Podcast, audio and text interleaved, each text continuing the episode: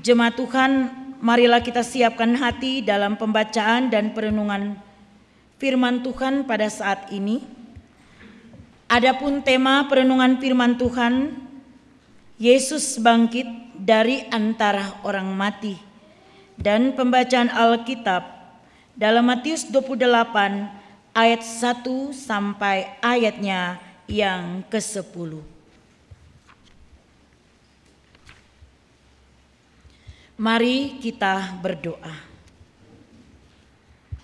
Ya Kristus yang bangkit dari antara orang mati, telah mewujudkan satu keselamatan yang besar dalam kehidupan setiap insan yang ada di dalam dunia ini yang sungguh percaya kepadamu. Kebangkitanmu di hari ini yang kami maknai sebagai orang percaya kami rindu untuk mendengarkan firman-Mu sebagai kekuatan dan dasar iman kami, tetapi juga untuk menuntun perjalanan hidup kami di tengah-tengah dunia ini. Di saat ini ya Tuhan, dengan hati yang bersuka cita, kami sangat rindu untuk mendengarkan firman-Mu. Biarlah kuasa kebangkitan-Mu memampukan kami untuk dapat membaca, merenungkan, dan melakukan firman-Mu supaya firman-Mu tidak lalu begitu saja dalam hidup kami, tetapi benar oleh kuasa kebangkitan-Mu, kami akan menjadi pelaku firman Tuhan di dalam kehidupan kami. Berkati hamba-Mu yang akan membacakan firman-Mu, berkatilah juga hamba-Mu yang akan mewartakan firman-Mu. Dalam keterbatasan dan ketidakmampuan kami inilah Tuhan, kami sungguh siap untuk mewartakan firman-Mu Biarlah urapan roh kudusmu melawat kami dan melawat umatmu.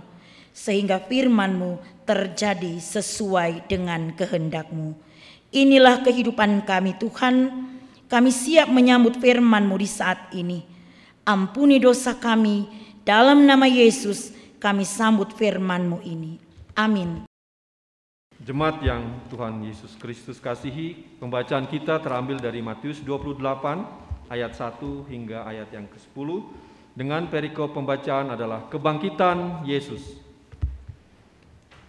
Setelah hari Sabat lewat, menjelang menyingsingnya fajar pada hari pertama minggu itu, pergilah Maria Magdalena dan Maria yang lain menengok kubur itu. Maka terjadilah gempa bumi yang hebat sebab seorang malaikat Tuhan turun dari langit dan datang ke batu itu dan menggulingkannya lalu duduk di atasnya. Wajahnya bagikan kilat dan pakaiannya putih bagikan salju. Dan penjaga-penjaga itu gentar ketakutan dan menjadi seperti orang-orang mati. Akan tetapi malaikat itu berkata kepada perempuan-perempuan itu, "Janganlah kamu takut, sebab aku tahu kamu mencari Yesus yang disalibkan itu. Ia tidak ada di sini, sebab ia telah bangkit sama seperti yang telah dikatakannya. Mari, lihatlah tempat ia berbaring. Dan segeralah pergi dan katakanlah kepada murid-muridnya bahwa ia telah bangkit dari antara orang mati. Ia mendahului kamu ke Galilea. Di sana kamu akan melihat dia. Sesungguhnya aku telah mengatakannya kepadamu. Mereka segera pergi dari kubur itu dengan takut dan dengan sukacita yang besar dan berlari cepat-cepat untuk memberitahukannya kepada murid-murid Yesus. Tiba-tiba Yesus berjumpa dengan mereka dan berkata, "Salam bagimu." Mereka mendekatinya dan memeluk kakinya serta menyembahnya. Maka kata Yesus kepada mereka, "Jangan takut, pergi dan katakanlah kepada saudara-saudaraku supaya mereka pergi ke Galilea dan di sanalah mereka akan melihat aku." Sampai di sinilah pembacaan Alkitab. Berbahagialah segala orang yang mendengar firman Allah serta memelihara dan melakukannya di setiap saat dengan sukacita. Amin.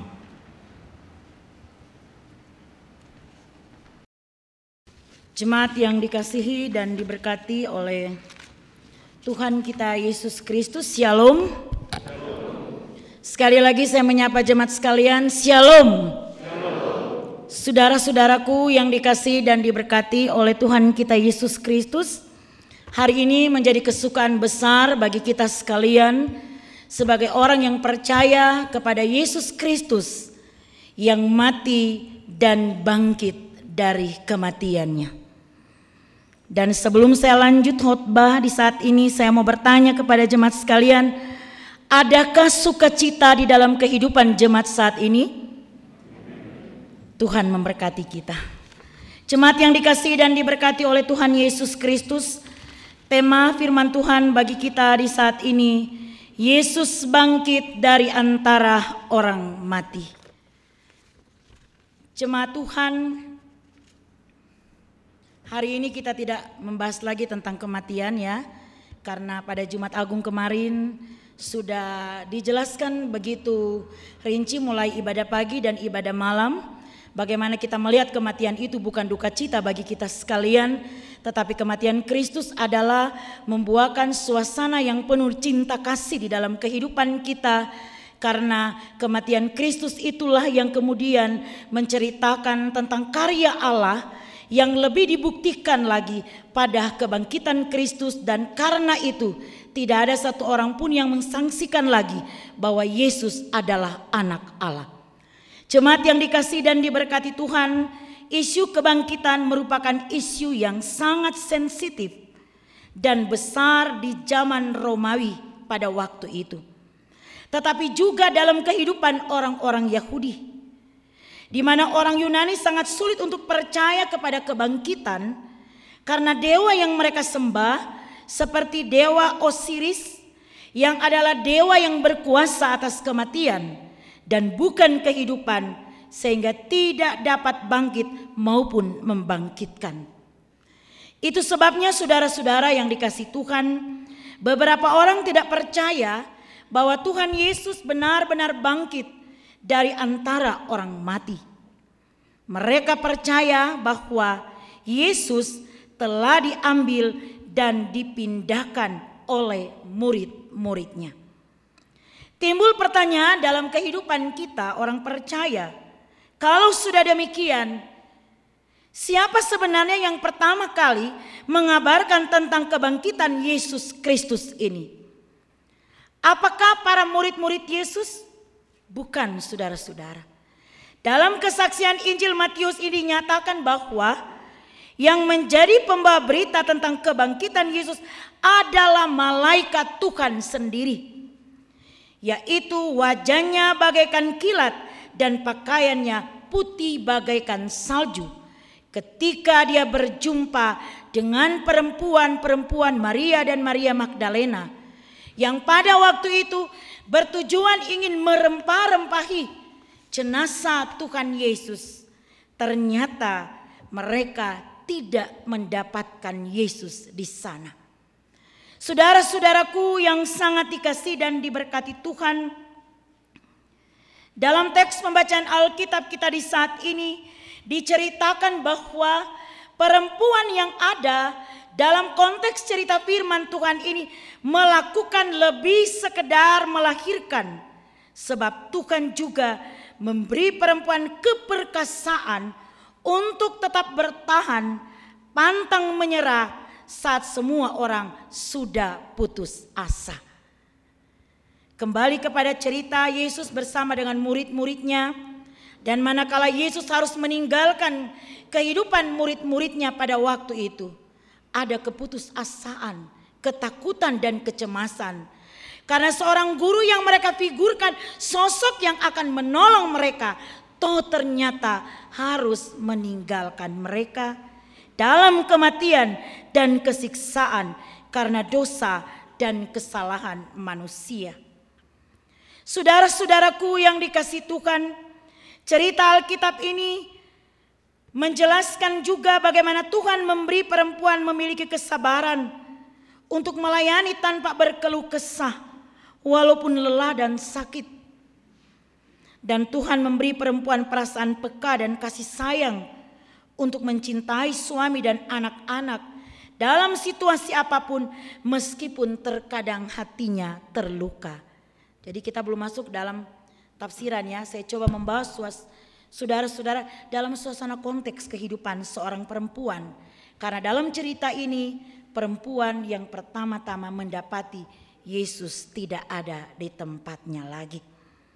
Tuhan memberi perempuan kekuatan untuk membimbing suaminya melalui masa-masa sulit dan menjadi pelindung baginya. Sebab bukanlah tulang rusuklah yang melindungi setiap hati dan jantung agar tak terkoyak. Perempuan menjadi pelindung bagi seorang laki-laki. Dan inilah yang mau diceritakan awal perjumpaan perempuan dengan kubur yang kosong menceritakan atau membuahkan kesan bahwa Tuhan menjadikan perempuan berharga sebab baik perempuan maupun laki-laki adalah gambar Allah. Peristiwa Paskah yang diawali oleh Injil Matius dengan suatu kesaksian ini, di mana setelah hari Sabat lewat menjelang menyingsing fajar, pada hari pertama minggu itu, Maria Magdalena dan Maria yang lain menengok kubur itu. Para perempuan itu datang ke kubur Yesus dengan hati yang pilu. Mereka awalnya merasa sedih, berduka, dan sangat kehilangan karena kematian Yesus. Tetapi justru peristiwa Paskah ini diawali dengan tiadanya harapan dan kematian serta kehilangan telah menyebabkan duka cita dan kesedihan, tapi juga kehilangan harapan. Jadi kalau kita lihat konteks firman Tuhan ini, ini sebenarnya sedang menggambarkan ada keputusasaan dan hilang harapan yang dialami oleh murid-murid Yesus. Tetapi inisiatif dari para perempuan ini yang juga merupakan adat istiadat Yahudi pada waktu itu. Mereka datang pagi-pagi benar untuk merempah-rempahi mayat Yesus. Saudara-saudaraku yang sangat dikasih dan diberkati Tuhan, namun dalam cerita kebangkitan inilah Yesus yang adalah anak Allah yang bangkit dan hidup memberi harapan bagi yang kehilangan harapan. Seorang malaikat Tuhan memberikan kabar kebangkitan Yesus dengan berkata, Matius 28 ayat 5 dan 6, Janganlah kamu takut, sebab aku tahu kamu mencari Yesus yang disalibkan itu. Ia tidak ada di sini, Sebab ia telah bangkit sama seperti yang telah dikatakannya. Lihatlah tempat ia berbaring. Saudara-saudaraku yang dikasih Tuhan, harapan para perempuan yang tadinya hanya ingin untuk mengurapi jenazah Yesus dengan rempah-rempah dan minyak wangi berubah menjadi harapan yang baru dan penuh sukacita. Di depan kubur Yesus itulah para perempuan diubahkan dengan perjumpaan terhadap ucapan para malaikat yang mereka dengar pada waktu itu. Para perempuan ini awalnya datang dengan hati rudung, tetapi mereka mengalami kekuatan dan semangat yang baru, di mana peristiwa pasca yang dialami pada waktu itu bermakna Transformasi pengalaman iman yang mengubah kesedihan menjadi sukacita dan mampu mengubah kehidupan yang penuh keputusasaan menjadi pengharapan. Kalau pada Jumat Agung malam saya mengatakan bahwa kematian Yesus yang mengantar kita untuk memaknai kebangkitannya adalah sebuah proses yang kemudian mengubah hidup lama kita mengalami hidup yang baru. Yang tadinya hidup kita tidak berkenan, yang tadinya hidup kita penuh dengan keputusasaan dan kekecewaan, disalibkan dalam kematian, dan karena itu kita wajib hidup dalam sukacita kepada Allah sendiri. Saudara-saudaraku yang dikasih Tuhan, perhatikanlah cerita yang ditulis oleh Injil Matius ini. Setelah perjumpaan malaikat dengan para perempuan ini, mereka mengingat apa yang dipesankan Yesus. Bahwa Yesus menyuruh mereka berjumpa lagi dengannya di Galilea. Galilea adalah daerah yang dianggap terbelakang dan lemah secara ekonomi. Tapi pelayanan Yesus dimulai dari Galilea. Dan ketika bangkit, Yesus juga berada kembali di Galilea. Galilea menjadi simbol keberpihakan Yesus bagi mereka yang lemah Itu berarti Yesus yang pernah hidup, mati dan kemudian bangkit dari antara orang mati pada hakikatnya menjadi juru selamat bagi setiap orang yang lemah dan terbuang termasuk perempuan-perempuan ini. Saudara-saudaraku yang dikasih Tuhan, di hari kebangkitan Kristus yang kita maknai di hari ini, juga mengajak saya dan saudara yang kalau pada hari ini mungkin kita tidak ada pengharapan karena kekecewaan, karena putus asa, kita datang dalam perayaan kebangkitan Kristus di hari ini dengan satu harapan, saya akan diubahkan. Belajar dari firman Tuhan yang kita baca dan kita renungkan saat ini, maka marilah kita melihat bahwa kebangkitan Tuhan Yesus dari antara orang mati adalah berita sukacita kepada dunia, kepada saya dan saudara, karena Dia adalah penguasa hidup. Seperti yang dikatakan oleh Tuhan Yesus dalam Yohanes 11 ayat 25, Akulah kebangkitan dan hidup. Tuhan Yesus telah memperlihatkan kepada dunia bahwa tidak ada kuasa yang dapat mematikan kuasa Allah, terlebih kuasa dosa. Dia telah mematahkan kuasa kegelapan. Kematian adalah upah dari dosa, namun Allah telah mengangkat kita dari kuasa dosa supaya kita mendapatkan kehidupan dari Allah. Kehidupan ada pada Tuhan, sehingga kita tidak lagi hidup dalam bayang-bayangan maut yang menakutkan karena Tuhan juga mengangkat kita dari kematian itu menuju hidup bersama dengan Tuhan. Pasca bagi kita sebagai orang yang percaya adalah hari sukacita bersama. Jadi kalau hari ini ada yang bersedih, marilah kita berikan senyum untuk Tuhan dan kita bersyukur karena kita telah dimenangkan dari segala kondisi yang tidak baik dan kita boleh menjadi baik di saat ini. Saudara-saudara pasca mengantar saya dan saudara untuk tidak menampilkan wajah yang cemberut lagi. Tidak menyimpan dendam, tidak menyimpan kesalahan orang. Dan ada banyak hal yang memperburuk keadaan kita. Tetapi dengan pasca Yesus Kristus memotivasi saya dan saudara untuk memaknai kebangkitan Yesus dari antara orang mati. Bukan membawa kita dalam suasana duka cita, keterpurukan dan keputusasaan lagi. Tapi kita punya pengharapan bahwa kalau hari ini kita ada, maka pada kedatangan Tuhan yang kedua kali kita juga layak untuk menerima keselamatan yang kekal. Saudara-saudaraku yang sangat dikasih dan diberkati oleh Tuhan kita Yesus Kristus, kebangkitan Tuhan membuktikan bahwa Yesus bukan hanya sebagai juru selamat, tetapi juga sebagai Tuhan yang hidup dan berkuasa. Maut dan kematian tidak berkuasa lagi di atasnya. Ini adalah berita sukacita yang besar bagi saya dan saudara. Karena itu, pertanyaan yang perlu kita renungkan adalah, maukah kita menyadarkan diri kita kepada Allah yang hidup dan berkuasa itu? Karena kisah kebangkitan Yesus adalah bukti dari kuasa Allah dalam hidup manusia. Manusia tidak akan dapat mengkaji secara ilmiah bagaimana Yesus bangkit dari kematian dan bagaimana mungkin itu rekayasa. Walaupun ada banyak para ahli yang sampai saat ini meneliti apakah Yesus yang mati dan bagaimana kebangkitannya. Saudara-saudaraku yang dikasih Tuhan, karena itu mari kita belajar dari firman Tuhan ini ada lima arti kebangkitan yang perlu kita maknai.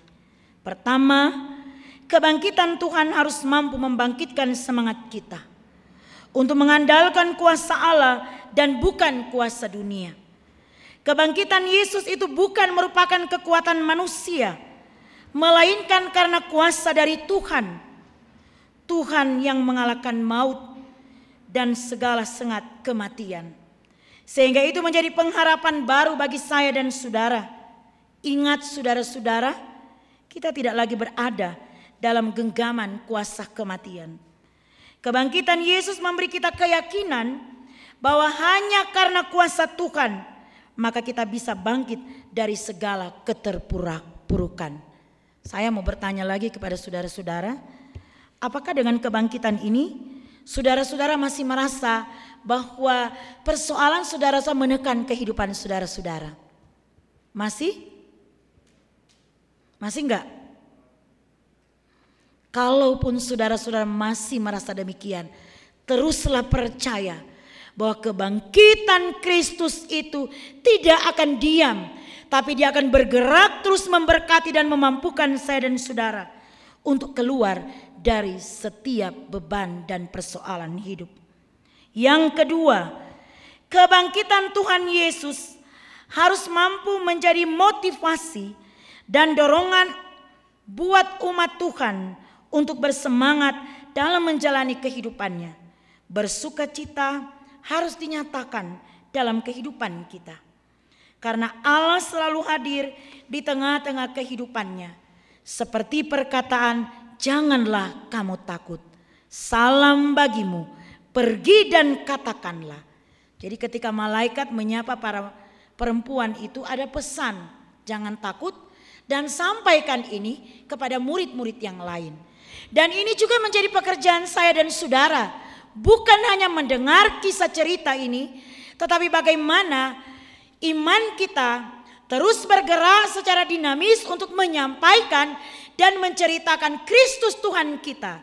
Dia telah bangkit dan memberikan pengharapan bagi saya dan saudara. Dan hal yang ketiga, kebangkitan Yesus mampu menggulingkan batu kehidupan kita. Ayat 2 kita boleh baca itu ya. Kuasa kebangkitan Yesus mampu menggulingkan segala penghalang agar kita bisa langsung mengenal dan mengalami kuasa kebangkitan. Dia bangkit, kita pun bangkit. Walaupun terkadang masalah suka menghalangi kita datang kepada Tuhan. Kekecewaan suka menghalangi kita untuk datang kepada Tuhan. Sakit penyakit yang berkepanjangan dalam kehidupan kita suka menghalangi kita datang kepada Tuhan.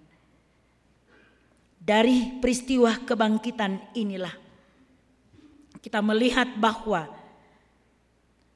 kuasa Allah telah menggulingkan semuanya atau menggeserkan semuanya dari kehidupan kita untuk melihat ada kemenangan dan pengharapan dalam kuasa kebangkitan itu.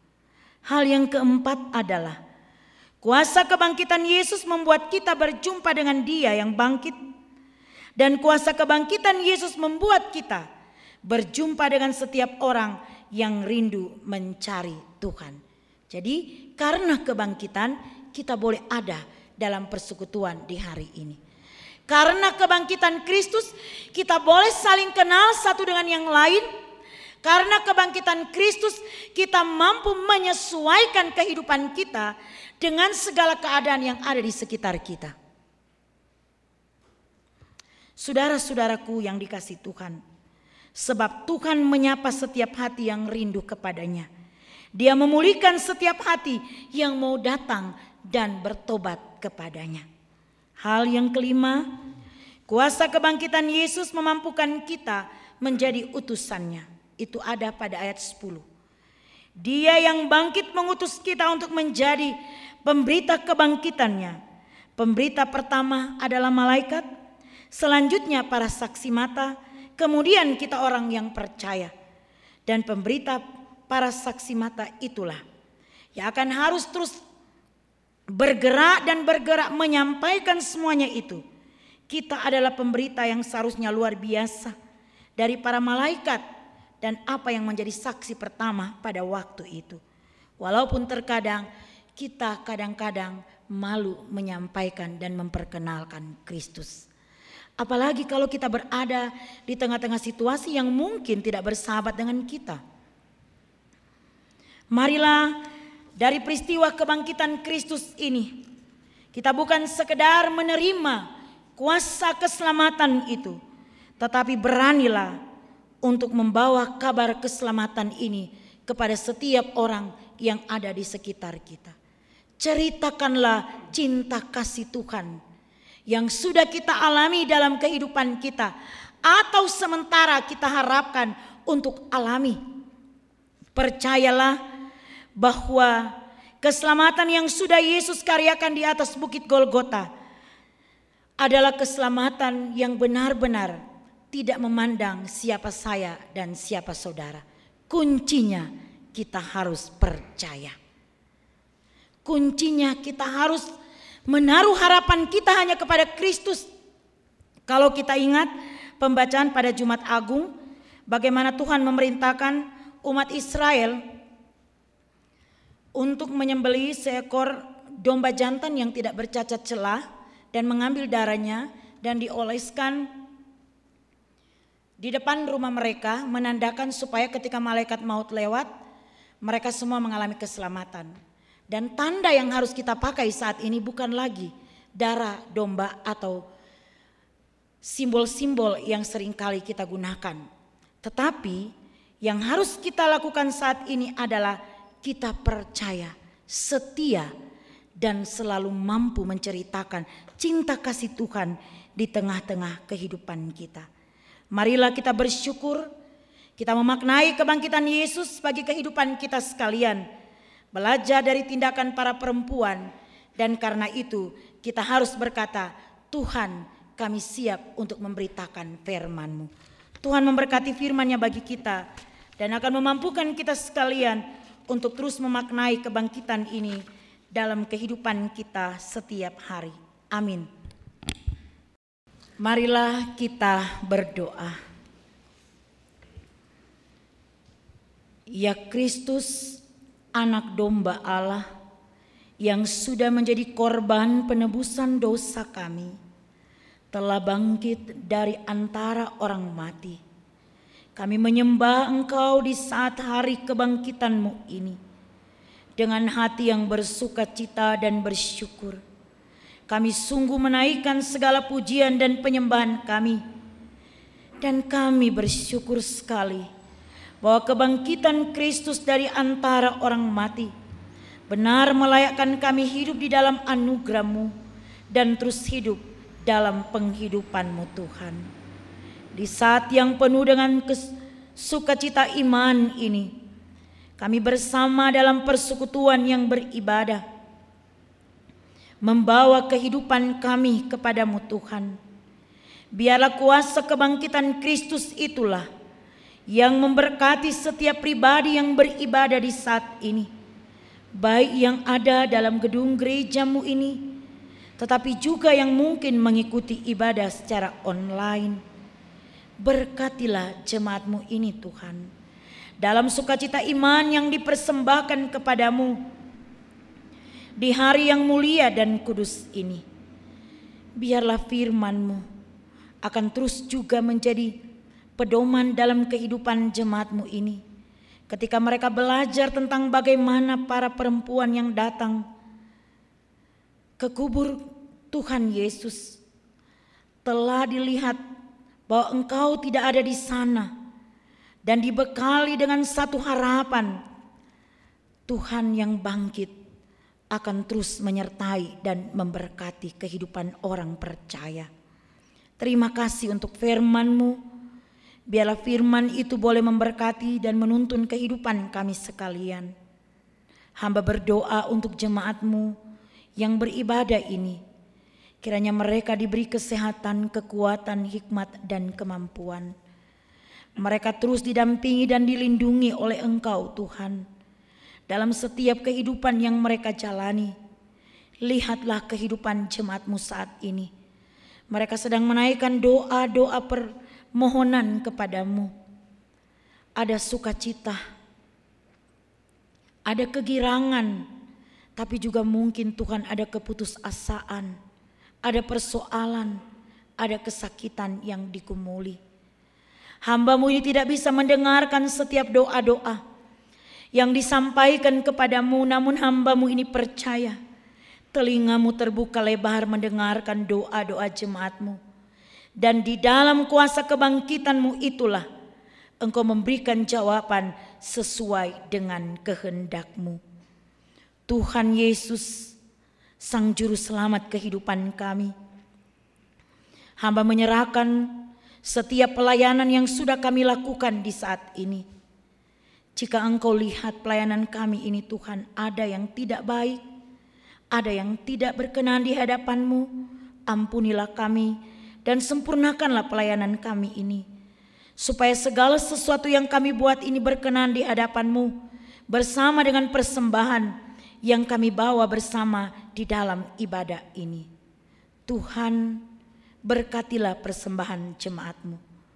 Mereka telah memberi dengan segenap hati, menyatakan semua pemberian ini sekaligus dengan kehidupan mereka. Berkatilah Tuhan apa yang sudah dinyatakan. Berkati juga beberapa keluarga yang menyatakan ucapan syukur tanpa menyebutkan nama.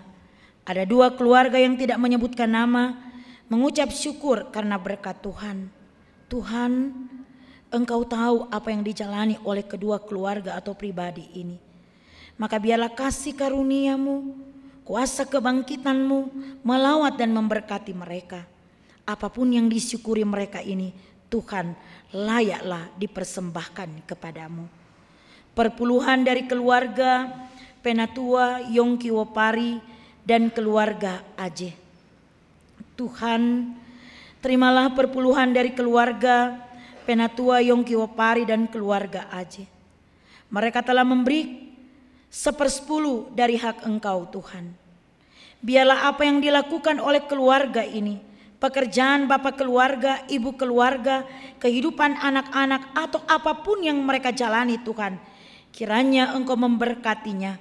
Sebagaimana janji firmanmu Tuhan, setiap orang yang memberi dengan segenap hati kepadamu, baik yang kami beri dalam pundi-pundi persembahan, ucapan syukur dan perpuluhan ini, engkau berjanji ada tingkap-tingkap anugerah berkatmu yang engkau akan curahkan bagi kehidupan kami.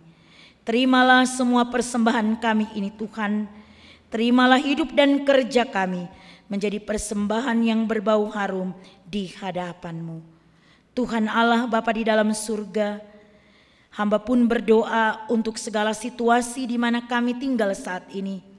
Tembagapura dan sekitarnya Kiranya kuasa kebangkitanmu memberkati, melindungi Tembagapura dan sekitarnya. Memberkati aparat keamanan yang terus siaga menjaga keamanan di sekitar kami ada saat ini. Memberkati juga para medis, dokter dan perawat yang ada di rumah sakit. Di dalam mereka menangani setiap orang-orang yang membutuhkan kesembuhan lewat penanganan para medis. Dan Tuhan juga memberkati perusahaan di mana gerejamu ini ada PT Freeport, kontraktor dan privatisasi. Para pimpinan, karyawan dan karyawati, tapi juga seluruh area kerja yang ada. Tuhan yang berkuasa, kuasa kebangkitanmu telah nyata memenangkan kami. Dan hamba mohon kuasa kebangkitanmu itulah yang melawat pimpinan, para karyawan-karyawati, area kerja yang ada di perusahaan ini. Sehingga kalau dalam gerejamu ada damai sejahtera dan keselamatan, hamba pun memohon demikian pula terjadi untuk mereka sekalian. Tuhan yang Maha Kuasa, Tuhan di dalam nama Yesus Kristus, kami bersyukur di hari kebangkitan ini oleh panitia perayaan Paskah. Kami akan mengikuti beberapa acara selesai dari ibadah ini. Berkatilah panitia Paskah yang ada dan Tuhan Biarlah segala sesuatu yang engkau yang mereka perbuat untuk memaknai perayaan Paskah ini. Engkau yang mengetahui apa yang menjadi kebutuhan mereka. Diberkatilah mereka, diberi kesehatan, kekuatan, hikmat dan kemampuan dalam kehidupan selanjutnya. Ya Bapa di dalam surga, terima kasih Bapa. Kami sudah melayani Engkau di hari ini. Layakkanlah pelayanan kami ini Tuhan berkenan di hadapanmu. Kami yang melayani pendeta, penatua dan siamas, singer, pemain musik, tim multimedia, dan radio suara kasih. Semuanya kami persembahkan kepadamu. Dan terus mampukan kami hamba-hambamu ini Tuhan, untuk terus melayani Engkau sampai pada akhirnya kami benar-benar memuliakan Engkau Tuhan. Terpujilah segala kuasa, kebangkitanmu Tuhan Yesus. Ampuni dosa dan salah kami. Hanya di dalam nama Yesus yang mengajar kami berdoa. Bapa kami di dalam surga, dikuduskanlah namamu. Datanglah kerajaanmu, jadilah kehendakmu di bumi seperti di sorga. Berikanlah kami pada hari ini makanan kami yang secukupnya. Dan ampunilah akan kesalahan kami, seperti kami juga mengampuni orang yang bersalah kepada kami. Dan janganlah membawa kami ke dalam pencobaan, tetapi lepaskanlah kami daripada yang jahat. Karena engkau yang punya kerajaan dan kuasa dan kemuliaan sampai selama-lamanya. Amin. Agenda kedua akan kita ikuti yaitu sambutan Pasca dari Ketua Majelis Jemaat GKI Kalvari Tembagapura dengan penuh kasih kami mengundang Bapak Pendeta Rocky SF Taime SSI MM. Selamat Pasca. Apakah Yesus sudah bangkit? Kata siapa? Iya, kata firman seperti itu. Yesus sudah bangkit. Yesus sudah bangkit dan Yesus membawa kemenangan bagi setiap orang yang percaya kepadanya. Karena itu, jangan lagi ibadah-ibadah dan perayaan Paskah menjadi tradisi dan kebiasaan orang-orang percaya. Datang kumpul, sembahyang selesai pulang, dan tidak ada perubahan sama sekali.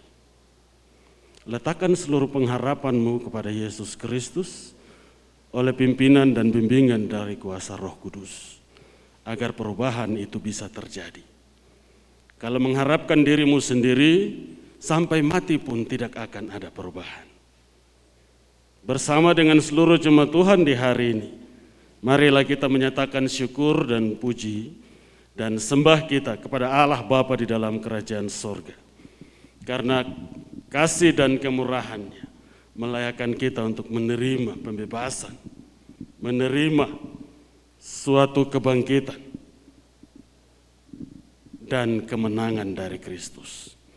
Pesan saya sama seperti tadi yang mengikuti uh, ibadah ikumene. Pergi beritakanlah kepada segala orang, sampaikanlah pesan ini kepada segala orang sampaikan kepada dunia ini, Yesus sudah bangkit. Pesan firman di hari ini, Matius pasal 28 ayat 1 sampai 10, menceritakan tentang itu. Murid-murid perempuan datang untuk meminyaki Yesus. Kemudian Yesus bilang pergi, jangan urus orang mati, pergi. Pergi dan beritakan kepada dunia ini Beritakan kepada segala orang, Yesus sudah bangkit.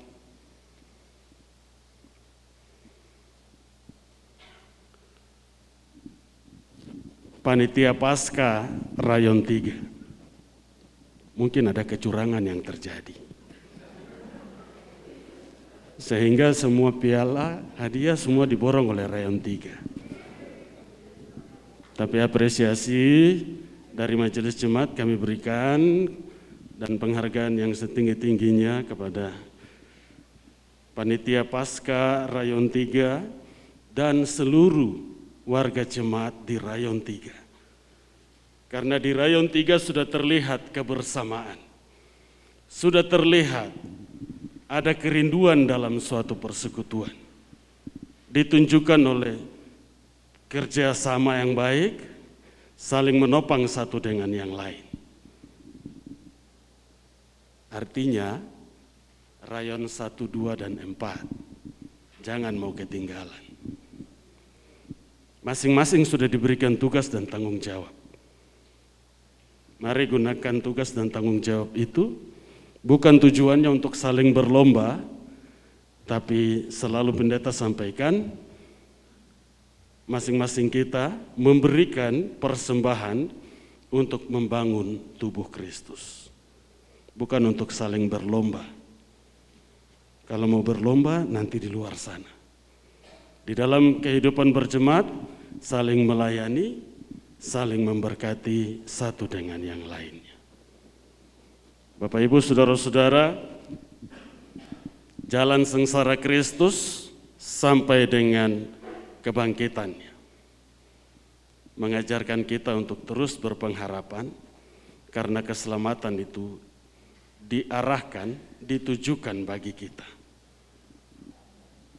Jangan lagi menjalani kehidupan seperti orang-orang yang tidak percaya.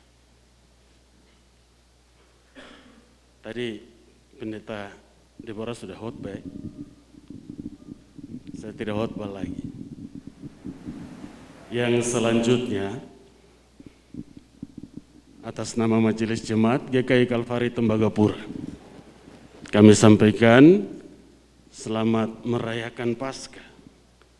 Selamat menyambut kebangkitan Kristus. Kristus yang bangkit ini akan hadir di dalam hati dan kehidupan, mengarahkan kehidupan sehingga menjadi berkat bagi banyak orang. Bersama-sama dengan rayon tiga sebagai tanda ungkapan syukur, kita diundang untuk menikmati jamuan kasih. Jangan pulang buru-buru, makanan dari rayon tiga juga pasti enak dan semua kedapatan. Mari kita berdoa. Bapa di dalam kerajaan surga, Tuhan pohon sumber segala berkat. Di hari ini kami boleh menyatakan syukur dan sukacita kami atas peristiwa kebangkitan Tuhan dan juru selamat kami. Tuhan yang kami puji dan kami permuliakan hidup bangkit dan dari antara orang mati, menjadi kesaksian bagi kami setiap orang percaya. Arahkan hati dan kehidupan setiap kami untuk menjadi saksi Kristus melalui perilaku dan cara kehidupan kami. Bersama-sama dengan seluruh jemaatmu kami bersyukur, tetapi juga kami bersuka cita. Panitia perayaan Paskah Rayon 3 menyatakan syukur dan sukacita mereka dengan mengundang kami sekalian hadir di atas meja perjamuan kasih untuk menikmati berkat makan dan minum sebagai tanda syukur di hari ini.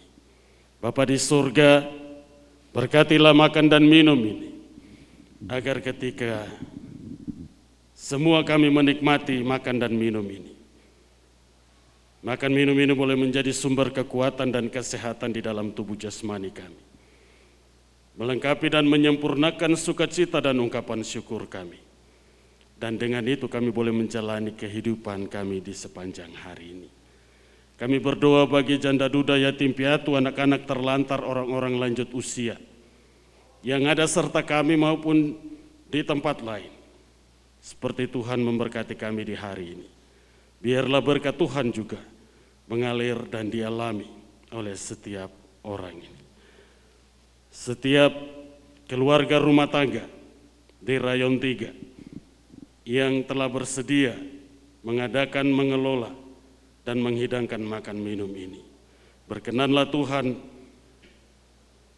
mengunjung dan melawat kehidupan keluarga dan rumah tangga dan setiap pribadi. Tuhan menjaga dan memelihara dan memberkati mereka senantiasa. Bapa di dalam kerajaan surga, inilah doa dan syukur kami.